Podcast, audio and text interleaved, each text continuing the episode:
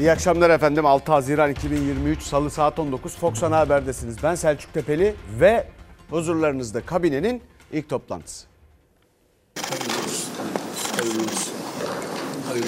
İki bakan dışında tamamı yenilenen kabine Cumhurbaşkanı Erdoğan başkanlığında Beştepe'de ilk kez bir araya geldi. Hakan Fidan'dan boşalan MİT başkanlığına da Cumhurbaşkanlığı sözcüsü İbrahim Kalın atandı.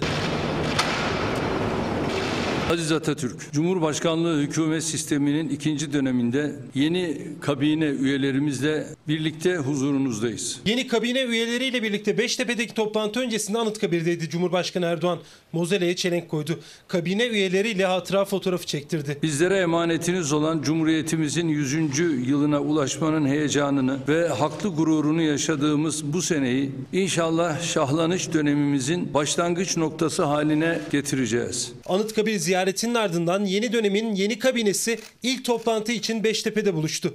Yeni bakanlar henüz yemin etmedi. Cumhurbaşkanlığı kabinesi nihayette bir kişinin otoritesine bakar. O bir kişi istediği anda sizi güçlendirebilir, istediği anda orta yerde bırakabilir. Devlet adamı öğüten birisi Erdoğan.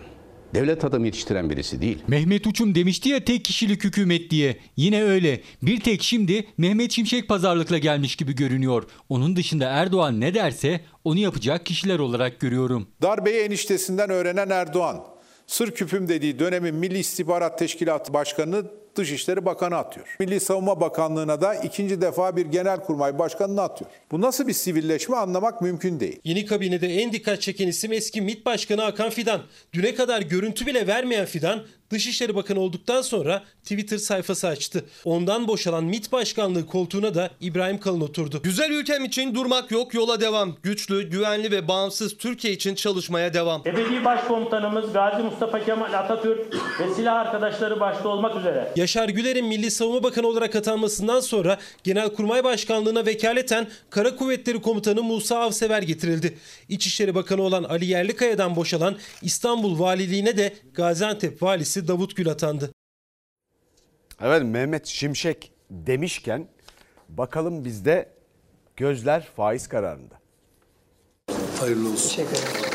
Merkez Bankası'nın Türkiye ekonomisinin bir fotoğrafını çekip faiz politikasının ne olacağı konusunun sarayda konuşulmasına engel olmalı. Bu kardeşiniz bu görevde olduğu sürece faiz her geçen gün inmeye devam edecektir. Türkiye'nin rasyonel bir zemine dönme dışında bir seçeneği kalmamıştır. Yeni bakan bu sözlerle sarayın faiz sebep, enflasyon netice şeklinde özetlenebilecek safsatasının akıl dışı olduğunu ilan etti. Şimdi Erdoğan'a sormak gerek. Millete ne söyleyeceksiniz? Hazine ve Maliye Bakanı Mehmet Şimşek görevi devralır almaz ilk kurduğu cümle uluslararası normlara uygunluk ve rasyonel yani akılcı zemine dönüleceği oldu. Günlerdirse sessiz Şimşek iddiaya göre ekonomiyi rayına sokmak için tek tek kurumları inceliyor, hasar tespit çalışması yapıyor. İlk adımı da yeni bir Merkez Bankası başkanıyla yola devam etmek olacak. Merkez Bankamıza enflasyonla mücadelede destek olmak temel politikamız olacaktır. Kulislerde Şimşek'in Merkez Bankası Başkanı olarak aklında bir isim olduğu hatta o isimle görüştüğü de konuşuluyor.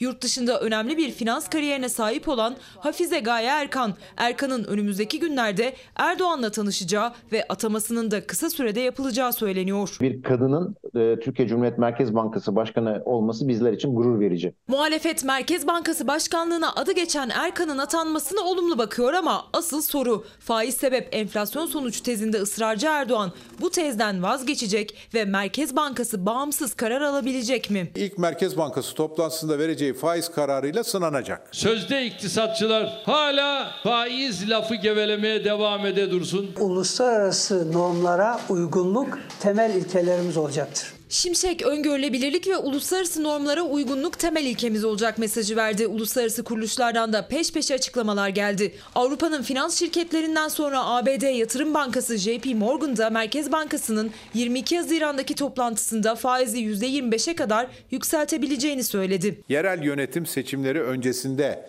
saray neye, ne kadar sabredecek, ne kadarına razı olacak? Akıl dışı, rasyonel olmayan politikalar rezervlerimizi tüketti. Enflasyonun yukarı çıkmasına sebep oldu. Cari açığımızın artmasına sebep oldu ve bütçe açığımızın artmasına sebep oldu.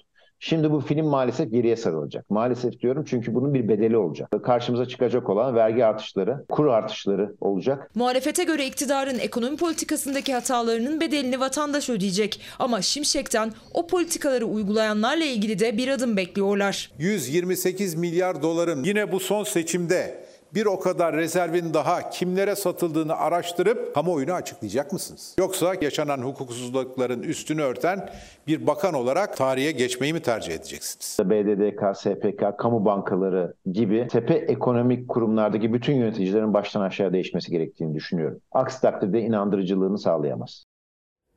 İşte bütün bu haberin içindeki her şey çok ilginçti.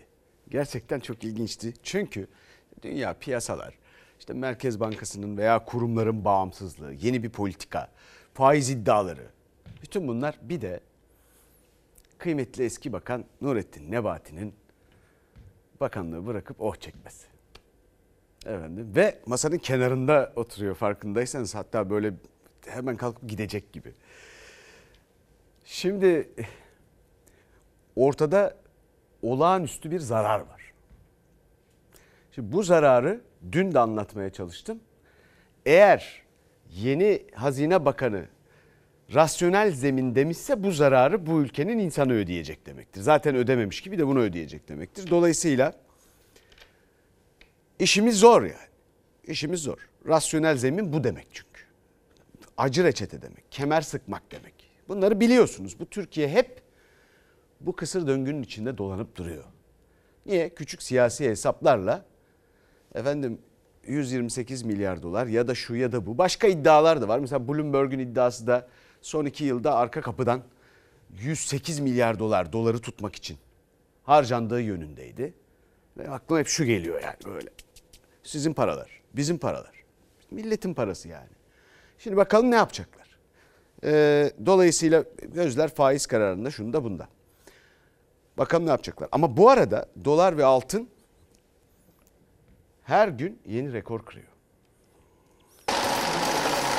Dolar kurunda önemli bir yükseliş var. Türkiye'nin mevcut ekonomik göstergeleri de döviz kurunun baskılanmış hale sürdürülmesine imkan vermiyor. Türkiye'nin döviz ihtiyacı var. Döviz kazandırıcı faaliyetlerinizde başarılı olamıyorsanız o zaman döviz kurunun bir miktar e, yukarı doğru hareket etmesine izin vereceksiniz. Şu anda yapılan da o. Dolar 21 lira 72 kuruşu görerek yeni bir rekor daha kırdı. Euro tarihinde ilk kez 23 lirayı aştı. Gram altının fiyatı ise 1368 liraya ulaştı. Dövizin yükselişi sürerken Türk lirasının seçimin ilk turundan bu yana değer kaybı %9'a yaklaştı. Türk lirasındaki değer kaybının etkilerini biz göreceğiz. Motorun fiyatlarına zam gelecek. Zaman içerisinde enflasyona bir miktar yansıması olacak. Yani satın alma gücümüzün biraz daha azalacağını önümüzdeki dönemde e, söyleyebiliriz. 28 Mayıs'taki Cumhurbaşkanlığı seçimlerinin ardından dolar her yeni günde yeni rekorlar gördü. 29 Mayıs'ta güne 20 lirayla başladı, 21 lira 72 kuruşa kadar yükseldi. 200 liralık banknot artık 9 dolara denk geliyor. Bir taraftan Merkez Bankası'ndan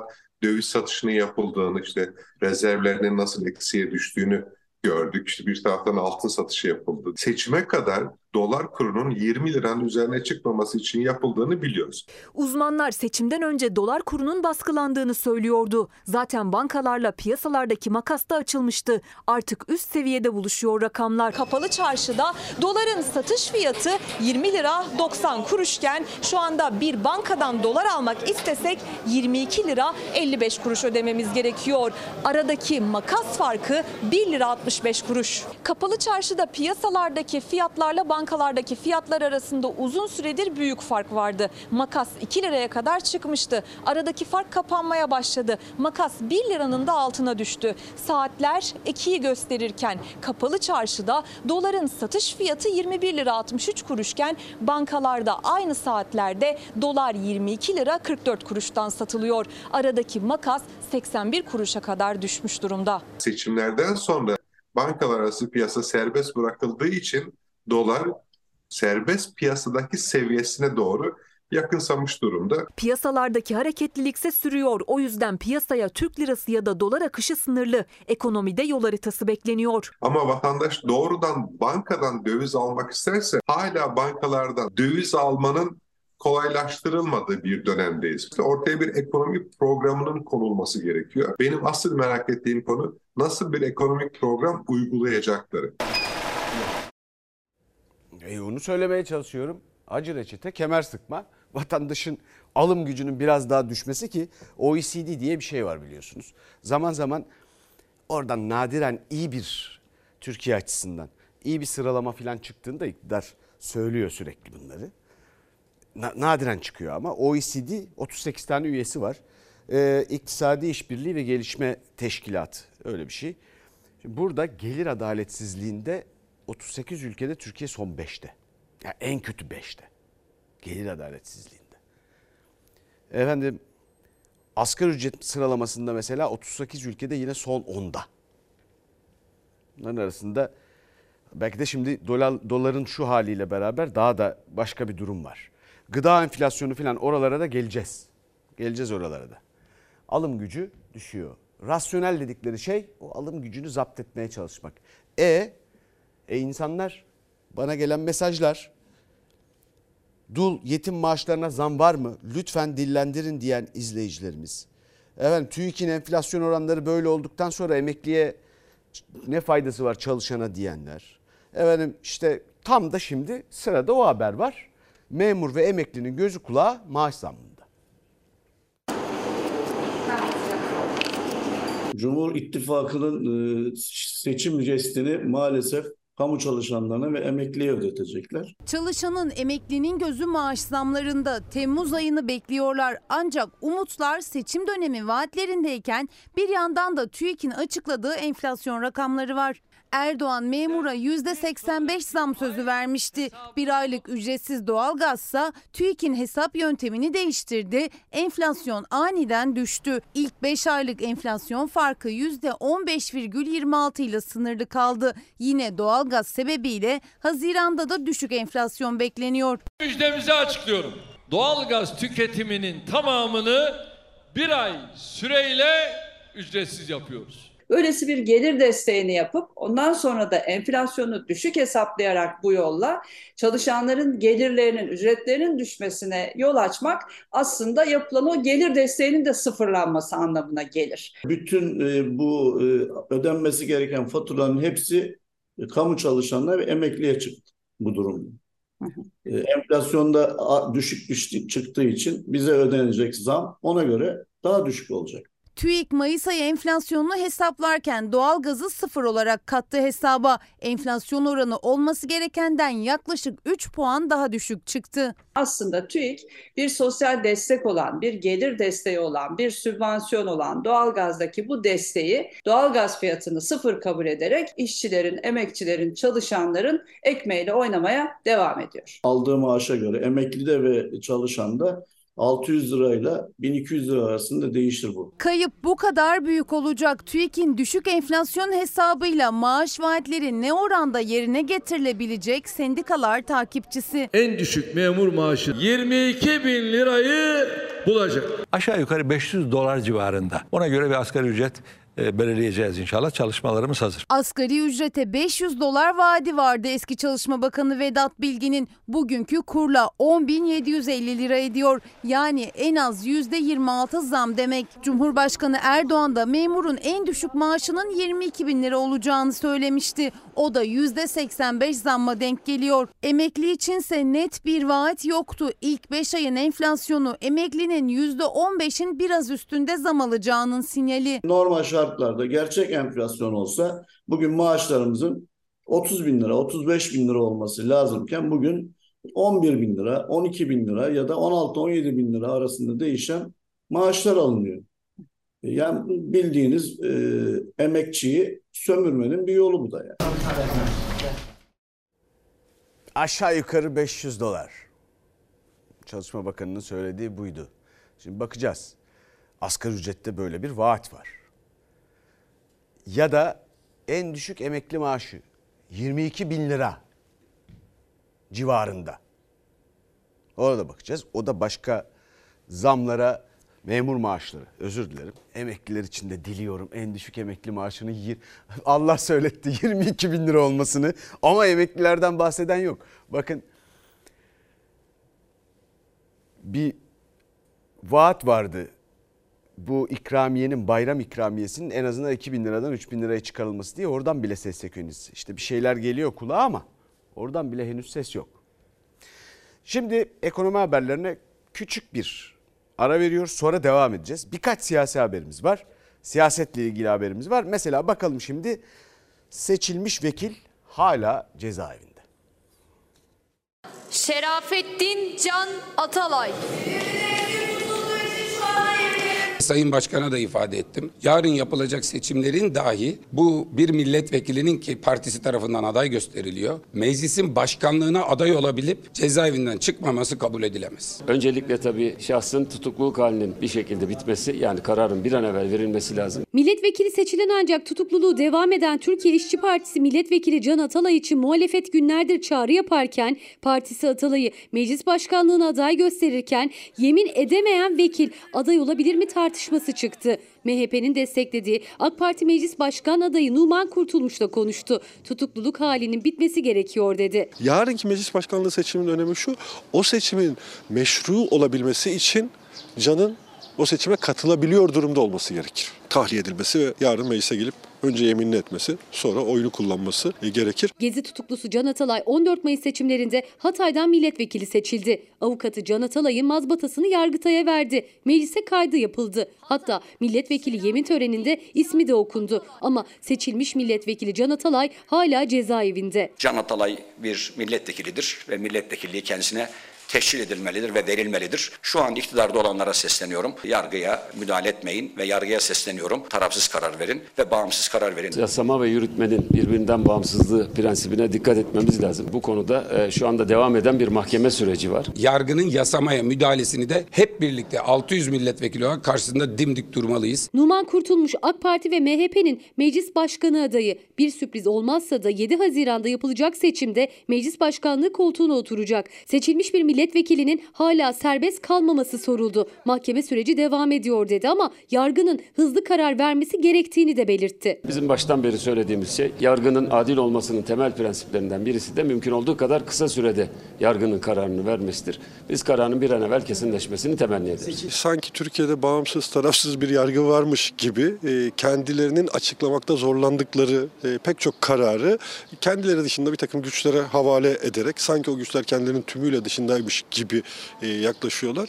Can Atalay için Yargıtay Cumhuriyet Başsavcılığına yapıldı tahliye başvurusu. Başsavcılığın Atalay'ın dosyasını Yargıtay 3. Ceza Dairesi'ne iletmesi bekleniyor. Anayasanın 83. maddesi seçimden önce veya sonra bir suç işlediği öne sürülen bir milletvekili meclisin kararı olmadıkça tutulamaz, sorguya çekilemez, tutuklanamaz ve yargılanamaz diyor. Ahim, rehin tutulan önceki dönem eş genel başkanlarımız Selahattin Demirtaş ve Figen Yüksekdağ'la ilgili bir kez daha hak ihlali kararı verdi. Yargı kararlarını uygulamadığınız her gün suç işliyorsunuz. 2018 yılında Selahattin Demirtaş için hak ihlali kararı veren Avrupa İnsan Hakları Mahkemesi bir kez daha eski HDP eş genel başkanları Demirtaş ve Figen Yüksekdağ için tutukluluklarına itiraz süreçleriyle ilgili hak ihlaline uğradıklarına hükmetti. HDP eski eş genel başkanların serbest bırakılması çağrısını yineledi. Bütün bu yargı kararları, yargıda şeffaflık, bağımsız yargı, bütün bunlar Mehmet Şimşek'in bahsettiği o rasyonel zeminin içinde bu arada. Herhalde onlarla da ilgileniyordur. Efendim şimdi CHP tarafına bir bakalım. CHP'de bir kıpırtı var. Ee, çünkü kongre süreci başladı. Bakalım nasıl gidiyor?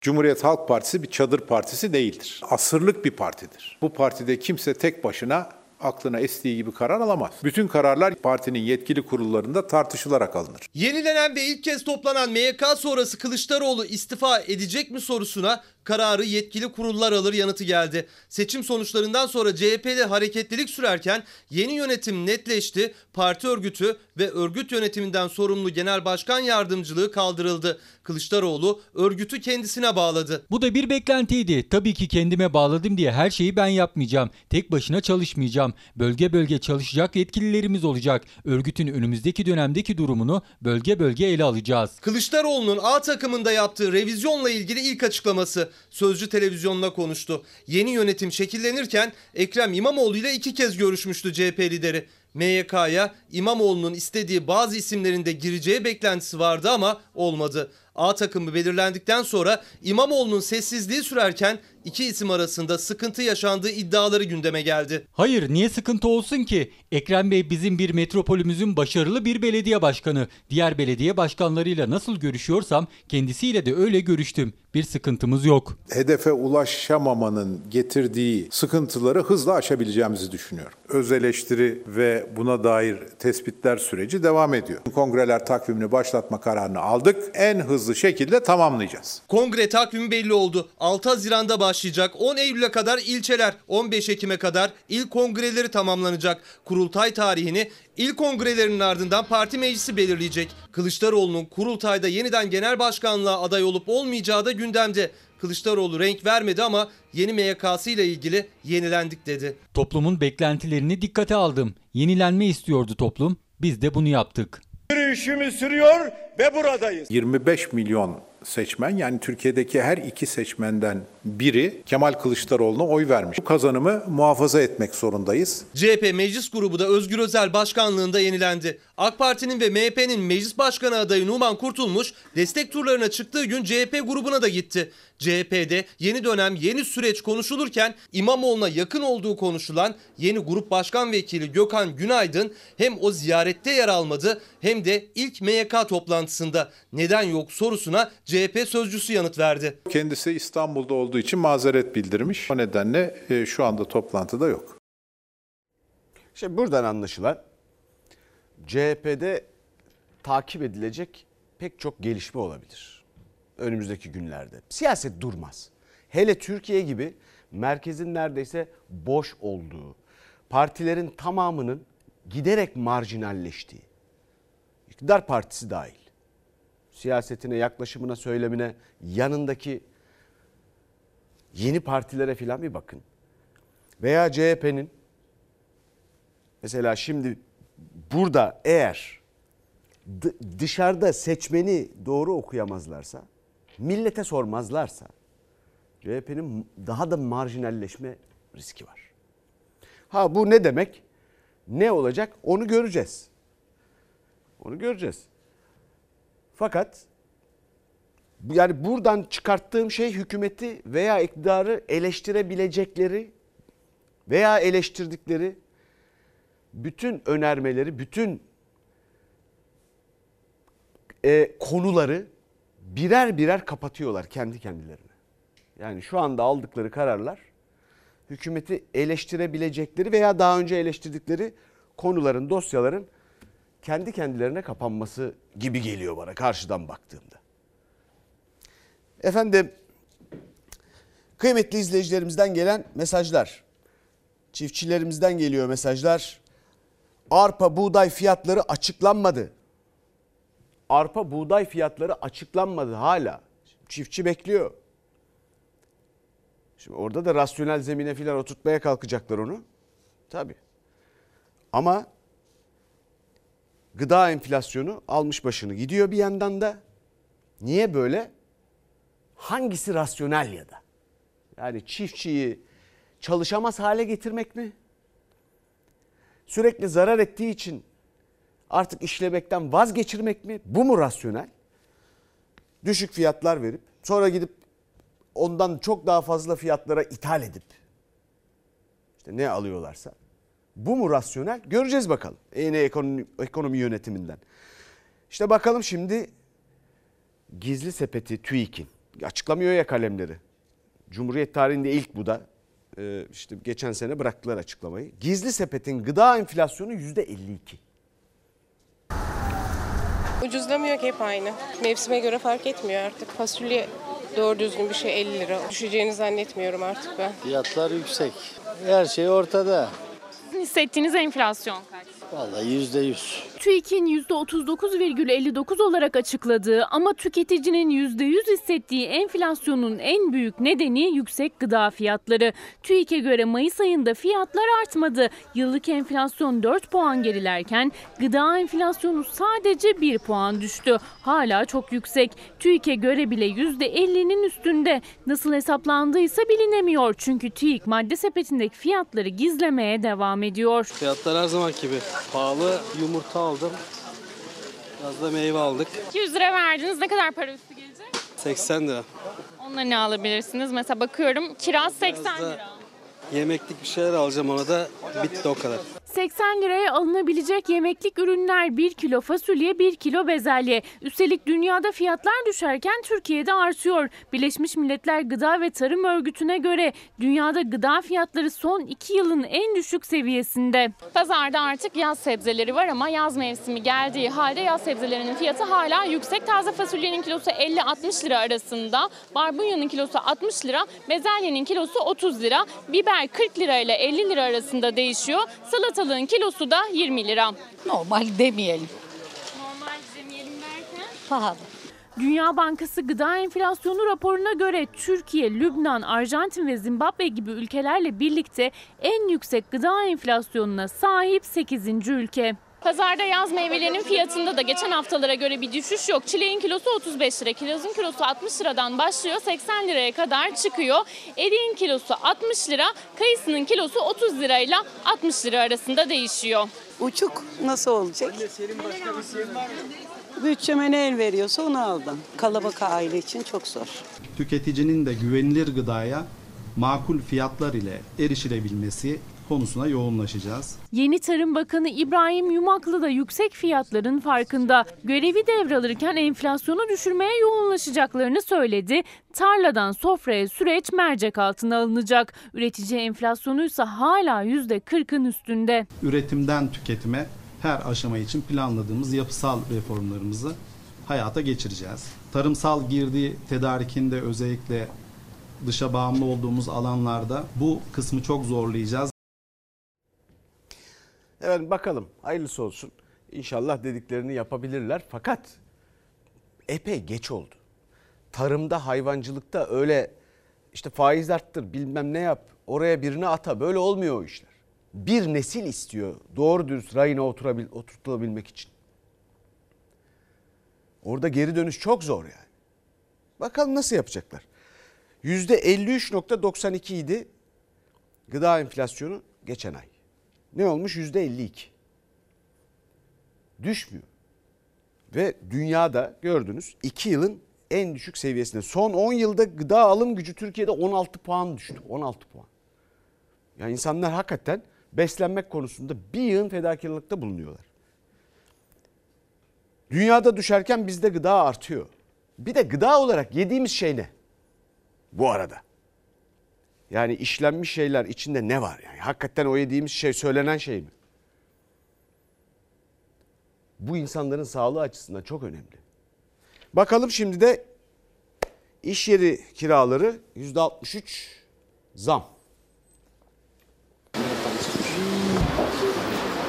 Benim mevcut kiram 40 bin lira. Ben işte önümüzdeki ayı düşünüyorum mesela %63 benim kirama zam gelecek. Bu orantıda masraflarımız da artacak. Ya bu dükkanı kapatacağım kepenklerini devam edersem de destek lazım bana. Kara kara düşünüyor esnaf Kaan Urhanoğlu. Dükkan sahibi TÜİK'in açıkladığı enflasyona göre zam yapsa dahi 40 bin lira olan kirası gelecek ay 65.488 lira olacak. Mayıs ayı enflasyonu ile beraber esnafın kira artış oranı da belli oldu. Haziran sözleşmesinde mal sahipleri bir yıllık tüfe oranına göre en fazla %63,72 oranında zam talep edebilir. Kapattılar gittiler. Karşıda bir dükkanımız var. 10 bin liraydı şu anda 35-40 bin lira para istiyor. Ankara Güvenlik Caddesi'ndeki bu dükkan 30 yıldır işletiliyordu. Antika dükkanıydı. 30 yılın sonunda kapısına kilit vurmak zorunda kaldı esnaf. Nedeni ise kiralardaki artış. Bu dükkan bir senedir boş şekilde bekliyor ve yüksek kira talebi sebebiyle dükkan tutulmuyor. Kontratımız bittiği zaman oturup konuşacağız yine mal sahibiyle. Ciddi bir artış olursa da kapatacağız. Başka yapacak bir şeyimiz yok. Dayanılacak gibi değil gerçekten. Ben 70 yaşıma geldim. Böyle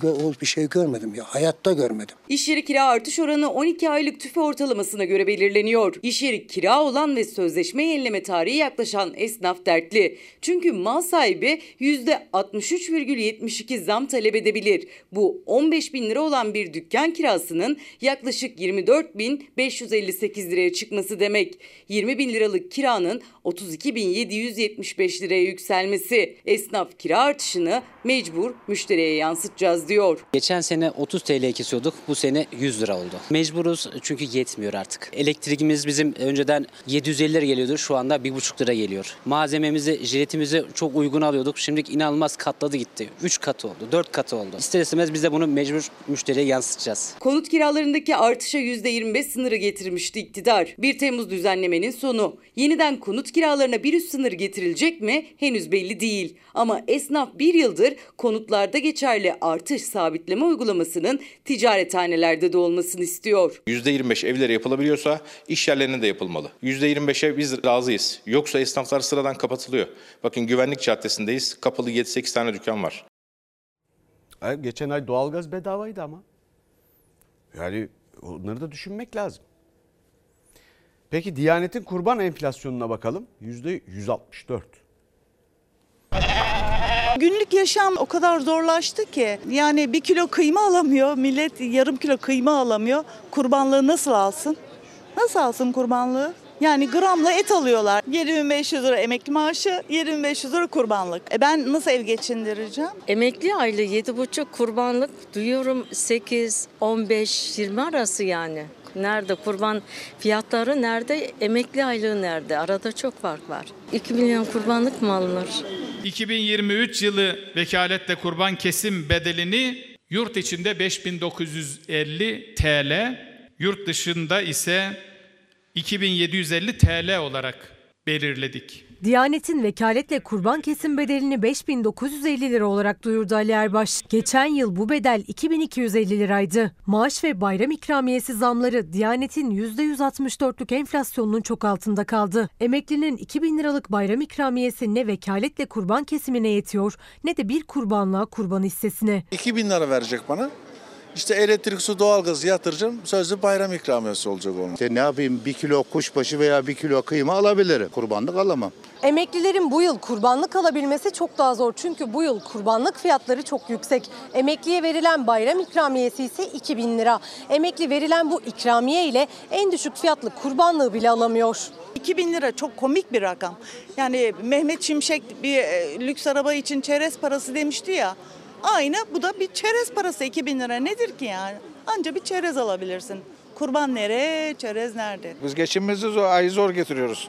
Yani böyle bin bir şeyden fedakarlık ederek geliyor ay, ay sonu yani. Emeklilerimizin bayram ikramiyesini 2000 liraya çıkardık. Şimdi bu rakamı daha da yukarıya çıkarmanın inşallah hesabı içerisindeyiz. 2000 liralık bayram ikramiyesine zam sözü vermişti Cumhurbaşkanı Erdoğan. Kurban Bayramı'na 3 hafta kala hala ikramiye ne kadar olacak belli değil. Küçükbaş kurbanlık en az 8 bin lira. Diyanetin vekaletle kurban kesimi 5950 lira. İkramiye hiçbirine yetmiyor. Kurban alabilmek tarih oldu yani.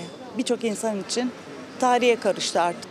7500 lirayla ben ay sonu nasıl geçireceğim? Nasıl kurbanlık alacağım? Alamam. Efendim kıymetli vatandaşımızın hatırladığı şeyi, hafızasını görüyorsunuz değil mi? Mehmet Şimşek lüks bir Şimdi Mehmet Şimşek zaten biliyorsunuz. İşte ekonomide kararlar alacak, rasyonel zemin, lüks bir makam aracı için hatırlıyor kıymetli vatandaşımız. Çerez parası demişti. Şimdi bu rasyonel bir zemin mi? Rasyonel bir zemin mi bu? Türkiye bir makam aracı cehennemi. Tabii makam aracı binmeyenler için ya kamuda. Binenler için cenneti tabii. O araçları satın aldığı ülkede bu kadar makam aracı yok. Çerez parası ama hatırlıyor insanlar görüyorsunuz. O rasyonel zemin mi? Bakacağız. Şeffaflık tabii önemli bir şey. Şeffaflık endeksinde Uluslararası Şeffaflık Örgütü diye bir şey var.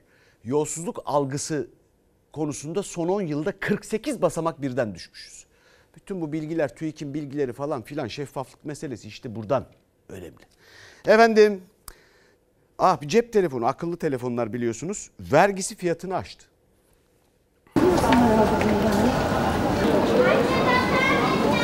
En son ne zaman aldınız? 6-7 sene önce. Yenisini alabilir misiniz? Yok imkansız. Bozuluyor kaç lira yaptırıyorum mecbur.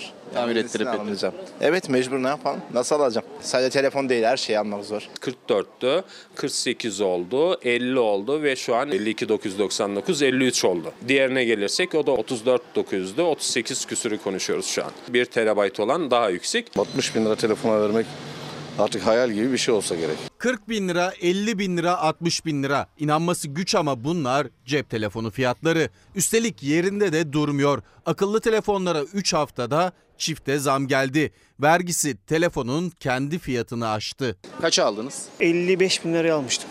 Bundan yaklaşık bir iki ay önce. Şimdiki fiyatını biliyor musunuz? Ne kadar? 68 bin lira. Yaklaşık bir 13 bin lira gelmiş. Üst üste zam gelen modelin giriş versiyonu 38 bin liradan başlıyor. Özellikleri arttıkça fiyatta yükseliyor. 68 bin liraya kadar çıkıyor cep telefonu fiyatları. Bugün vergisiz fiyatı 25 bin lira olan bir cep telefonundan 250 lira Kültür Bakanlığı payı, 3030 lira TRT bandrol ücreti, 14140 lira özel tüketim vergisi ve 7635 lira katma değer vergisi olmak üzere toplamda 25.055 lira vergi alınmakta. Satış fiyatı 50 bin 55 lira olan bir telefonun yarısından fazlası vergi. En büyük paysa yaklaşık 15 bin liralık özel tüketim vergisinde. KDV ise tüm bedeller eklendikten sonra hesaplanıyor. Yani verginin de vergisi alınıyor. Üretmeden üretenden daha çok kazanıyoruz. 8 bin lira maaş alıyorum. Telefonlar 40 bin 50 binden bahsediyorlar. Ama alamam yani. Kredi çekseniz Bu da faiz gelecek abi. Artık hayatın vazgeçilmez bir parçası olan cep telefonlarını alabilmek dar gelirli için hayal. Tamir ettirilerek senelerce kullanılmaya çalışılıyor telefonlar ya da ikinci elini tercih ediyor tüketici. İkinci el evet 5.5'a aldım. yeni sıfır bir telefon almak isteseniz Alamam. 38 bin liradan başlıyor. Önceden taksitli avans çekip telefonu alabiliyordu. Şimdi taksitli avansı yapamıyor. 12 ay yapılıyordu. Şu an taksitli avansların birçoğu kapalı. Kredi kartından nakit avansta da hala sınırlama var. İhtiyaç kredisi faizleri ise çok yüksek. Tüketici cep telefonu bayilerinin kapısından bile giremiyor. Kredi kartına nakit avansınız şu anda 1000 lira. İstersek kredi kartı limitiniz 100 bin lira olsun 1000 lira alabiliyorsunuz. Kredi zaten yok. 50'lik cihazı 60 yaptın ama kaç kişi alabilecek bunu? 68 bin lira oldu diye okudum. Çok anormal. Doğru bulmuyoruz ama e, işte ekonomik durum, şartlar, enflasyon bu hale getirdi. Şimdi Mehmet Şimşek'in rasyonel zemin dediği o rasyonel akılcı. Bu telefonlar artık akıllı telefon değil akılcı telefon rasyonel telefon. Rasyonel zemin böyle bir şey. Efendim iki öğretmenden biri atanmıyor.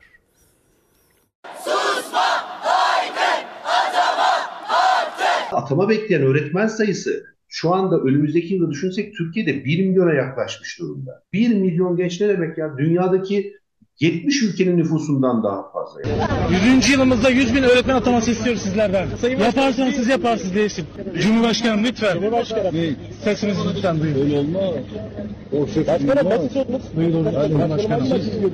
Sırtınızda tüfe yok. Çok rahat konuş. Öyle olmaz demişti atanamayan öğretmenlere Cumhurbaşkanı Erdoğan. Atama bekleyen çok, atanabilen az. Bunu Milli Eğitim Bakanlığı'nın raporu da koydu ortaya. 2022 yılında iki öğretmenden biri atanamadı. KPSS sınavına girenler arasında puanı e, atanmaya yeterli olanlar başvuru yapıyor, mülakata alınıyor. Yani o e, yüzde 47 denilen sayı mülakata girme hakkı kazananlar. Milli Eğitim Bakanlığı'nın atama ve yer değişikliği analizine göre yeterli puanı alıp mülakata hak kazanan 73 bin öğretmenden yaklaşık 35 bine atandı 2022 yılında.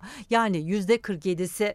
O aşamaya ulaşamayan öğretmenlerin sayısı ise yüz binlerle ifade ediliyor. Şu anda Türkiye'de 653.899 öğretmen olma umudunu taşıyan e, gencimiz var. Branş branş baktığımızda örneğin fizik branşına baktığımızda 100 öğretmenden birinin bile atanamadığını görüyoruz. 100 gencimizden 99'u öğretmen olma umuduyla fakültelerine girmiş, fakülteleri bitirmiş ama atanamamış. Farklı mesleklerde çalışmak durumunda. Daha düne kadar ücretli öğretmenler olarak çalışıyorduk. Karneleri dağıttık şu an ama işsiziz. Bir de yıldan yıla sayısı artan ücretli öğretmenler var. Son maaşlarını alacaklar, yazın işsiz kalacaklar. Gözler yeni Milli Eğitim Bakanı'nın atama ve kadro politikasında. Geleceğin mimarları atama beklerken devlet eliyle asgari ücretin altında çalışıyor. Tatillerde ücret almıyor. Sigortaları tam yatırıyor maalesef. Bu kuşlar birbirine. İstanbul'da bir özel okulda deney tüpünün patlaması sonucu 2 sağır 6 öğrenci yaralanmıştı. Hatırlıyorsunuz Fox Haber Merkezi'nden kıymetli arkadaşımız Emre Üskübarlas o anların görüntüsüne ulaştı. Başında öğretmen olmadan kimya dersi, kimya hocası yok. Devamında sağlık ekibi nerede? İhmalkarlık söz konusu. Başlarında bir öğretmen kesinlikle yok.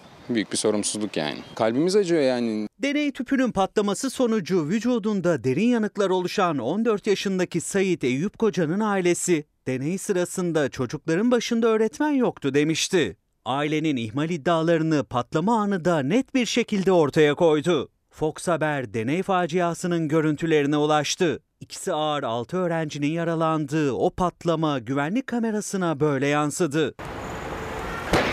Bütün okullarda kimya derslerinde koruyucu kıyafetlerinin, maskelerin olması lazım. Hiçbir şey yokmuş üstlerinde. Yanıklar çok ciddi. Yani çok ciddi. Yüreğimiz yanıyor. Diğer arkadaşın da durumu çok ciddi. İstanbul Küçükçekmece'de özel bir okulun bahçesinde kimya dersi sırasında yaşandı facia. İşte patlamanın hemen öncesi. Deney için okulun bahçesine masalar kuruldu. Öğrenciler masaların başındaydı. Ancak öğretmen yoktu. O sırada masalardan birinde bulunan etil alkol alev alıp patladı. Öğrenciler yaralandı. Vücutlarında ciddi yanıklar oluştu. Başlarında bir öğretmen kesinlikle yok. Büyük bir sorumsuzluk yani. 6 öğrenci yaralandı. Sait Eyüp Koca ile birlikte iki öğrencinin durumu kritik. Çünkü vücutlarındaki yanıklar çok derin. Birinin gözünü kaybetme ihtimali var. Yoğun bakımda tutuluyorlar. Kesinlikle ihmal var.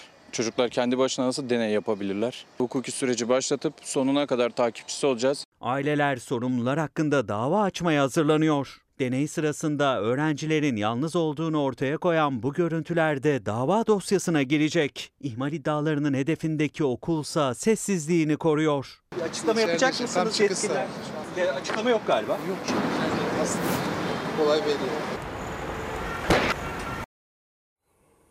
Efendim şimdi de çocuk işçi cinayetine bakalım.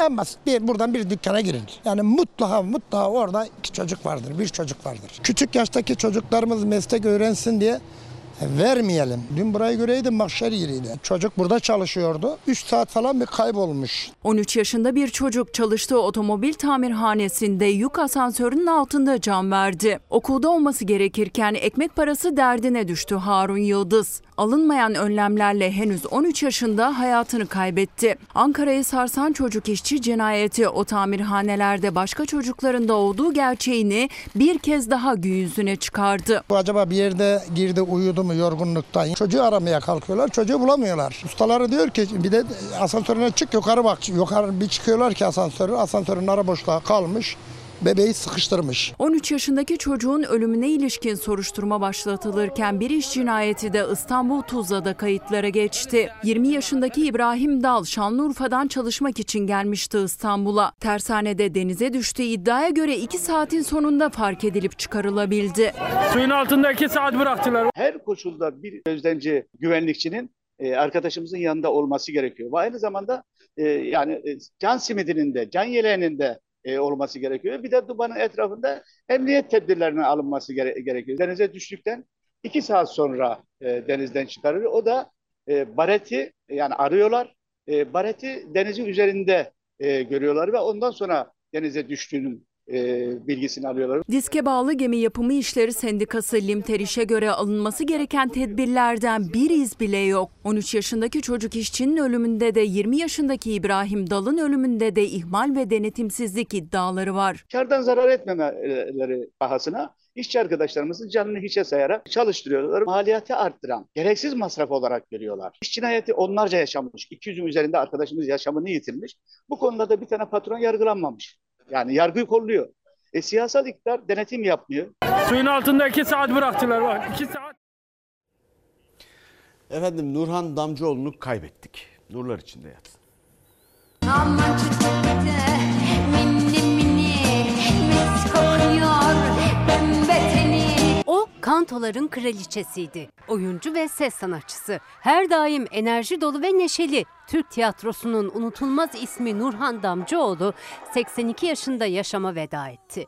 Yetişin kardeşlerim tutuşuyorum. Ay! 9 yaşında başladı tiyatroya. 16 yaşında devlet tiyatrosunun bir oyuncusuydu. Tiyatro oyunculuğunu, ses sanatçılığı izledi. Ana vatanı Fransa olan kantoyu da 1969 yılında ilk kez o söyledi Türkiye'de ve 56 yıl boyunca da sahnelerden inmedi. Kanto yaptı. Türk kö- kökenli kantocularımız 1969'da yani benle bir Müslüman Yani kadın olarak ilk adımı atan benim. yana. Ben kalender şefim, güzel çirkin aramam.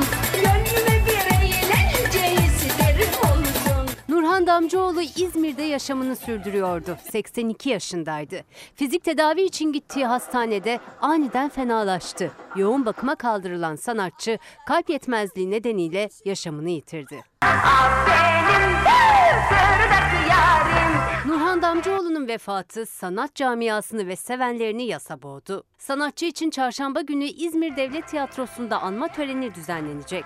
Törenin ardından Nurhan Damcıoğlu son yolculuğuna uğurlanacak. Gözlerine meftun oldum. Acep onu sever misin? Şimdi bir ara sonra buradayız. Çocuk işçi haberini izlediniz. Türkiye'de kayıt dışı çalışma oranı yüzde otuz. OECD'nin dibindeyiz yine bu konuda. En kötülerden biri. Çoğu da kadınlar ve çocuklar. Bu rasyonel zeminine uyuyor mu? Mehmet Şimşek'in mesela. Efendim bizden sonra Tetikçinin oğlu var yeni bölümüyle. İyi seyirler, iyi akşamlar. Her köşesi cennetin ezilir yerler için bir başkadır benim memleketim. Lay lay lay